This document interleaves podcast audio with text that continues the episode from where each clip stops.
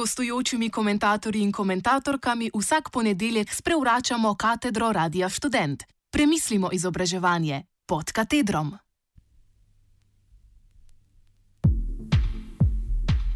Izobraževalni imperializem. V današnji oddaji o partikularijah azijskih izobraževalnih sistemov, predvsem o tem, kako jih še danes zaznamuje vpliv Zahoda. Za začetek dve notici. Prvič, ta oddaja naj ne bo poslušana ali brana skozi orientalistično prizmo, češ, aha, vsaka azijska izobraževalna institucija si enaka in sicer točno taka, kot jo opisujem. Osredotočam se predvsem na države jugovzhodne Azije, ki so glede navezanosti na zahodno kulturo poseben primer, saj je identifikacija z Zahodom še danes ponekod zelo močna, čemu botruje več reči. Predvsem pomembno je, da so to države, ki obstajajo, kakor obstajajo, predvsem kot prežitki kolonialnih ureditev. Druga notica. Ena oddaja je premalo, da bi resno in strukturirano opredelili vzoročna razmerja in resno raziskali imperialistične prakse v azijskih izobraževalnih procesih. Zato je ta oddaja mišljena predvsem kot podajanje osebnega vtisa.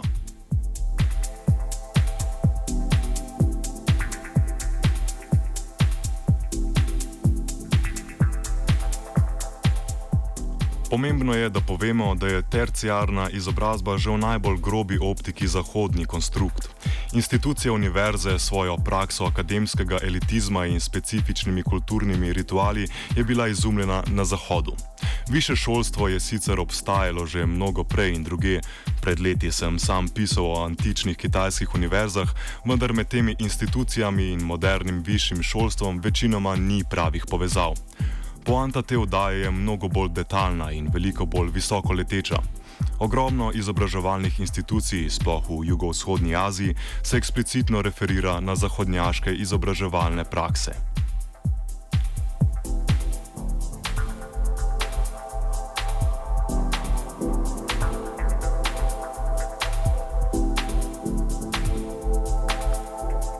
Prva raven tega, kar samo kličem za izobraževalni imperializem, je kulturna hegemonija zahodnjaških referenc.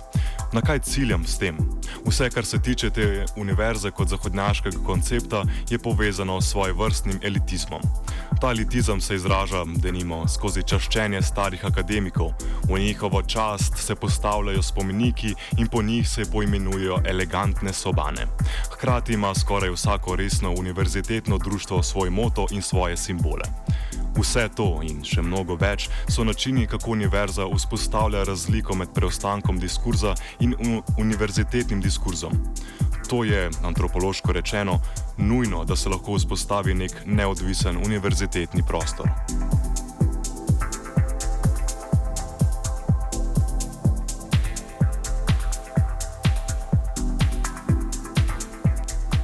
Tem elitizmu gre torej za iste rituale kot pri vsaki subkulturi znotraj neke družbe. In s tem ni nič narobe. Problem nastane, ko je imaginari kulturnih referenc, na katerem se gradi ta razlika, uvožen. Na tajski Ascension University, po naše univerzi v Nebozetja, je ta uvoz zelo jasno viden. Prvič, celoten kampus je zgrajen po evropskih arhitekturnih standardih natančneje zgrajenje po arhitekturnih standardih Angleške univerze, zaprt kampus s parki in crkvenimi objekti. Sicer je arhitekturni stil same zgrad bolj modern oziroma brutalističen, a vendar, tako bi izgledala univerza v Oxfordu, ukolikor bi jo gradili danes.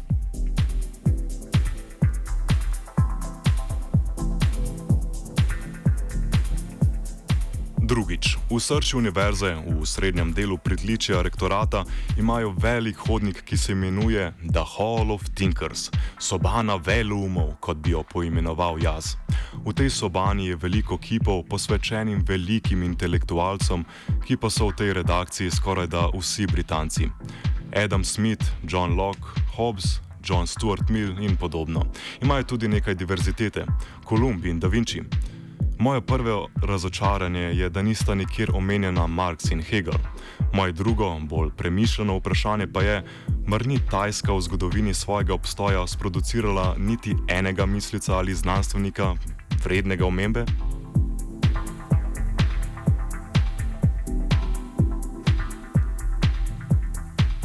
Hkrati so, tako v tej sobani kot tudi druge na univerzi, na zidovih z zlatimi črkami napisani citati v latinščini. Cogito ergo sum, mislim, torej sem. Hkrati pa tudi citat Oxforda: Dominus illuminate mea, Gospod me razsvetljuje. Ponovno se vprašam, mar ni tajska kultura v dolgih tisočletjih sproducirala niti enega mrtvega jezika, v katerem bi lahko reproducirali tri prazne floskole in se trkali po prsih?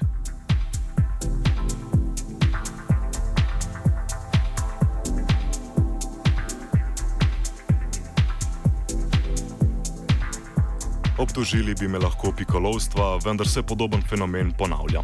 Posod po jugovzhodnji Aziji so najbolj elitne gimnazije vedno singapurske gimnazije. Tudi te so eksplicitno krščanske in tudi te reproducirajo isti diskurs, ki ga črpajo iz zahodnjaškega imaginarija akademskih referenc. Hkrati gredo gimnazije še korak dlje. Prvič, zdi se, da prav vsi dijaki na omenjenih gimnazijah opravljajo neke vrste zahodno maturo. A-levels, SAT ali AB. Dober dijak jugovzhodne Azije bo skoraj da brez izjeme odšel na študij in kasneje tudi na delo na zahod. Drugič, gimnazije so v svojem povzemanju zahodnjaških kulturnih referenc še bolj bizarne. Na eni izmed singapurskih srednjih šol v Bangkoku, ki sem jih obiskal, so na velikem zidu naštete štiri hiše. Modra hiša, imenovana vrednost, pardon, imenovana vestnost, katere predstavnik Raffles, angliški, je ustanovil Singapur. Sledi rdeča hiša, imenovana odgovornost, katere oče je Konfuci. Rumena hiša se imenuje spoštovanje, njo predstavlja ironično Kolumb. Zelena hiša se imenuje napredek in ima za simbol Da Vinčija. Brez heca, ta šola je vsaj deloma organizirana po knjižni predlogi Harryja Potterja in Bradavičarke.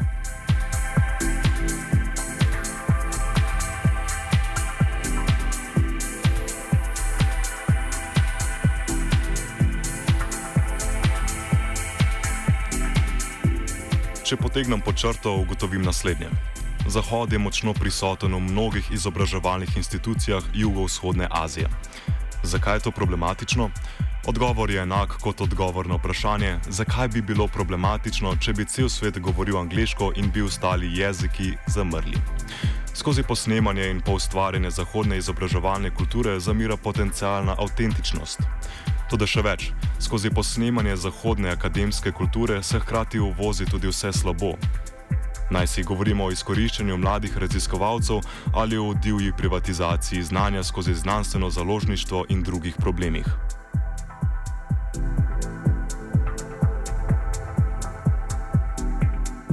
Za zaključek tako.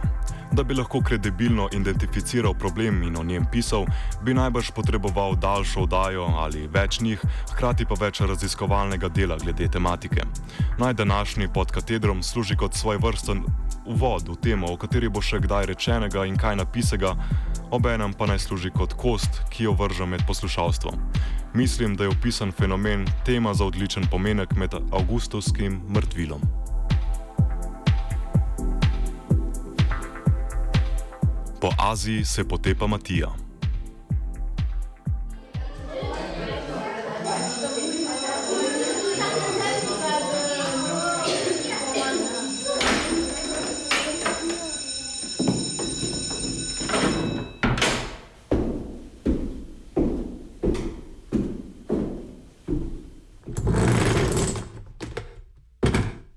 Gostujočimi komentatorji in komentatorkami vsak ponedeljek sprevračamo katedro Radia Student. Premislimo izobraževanje pod katedrom.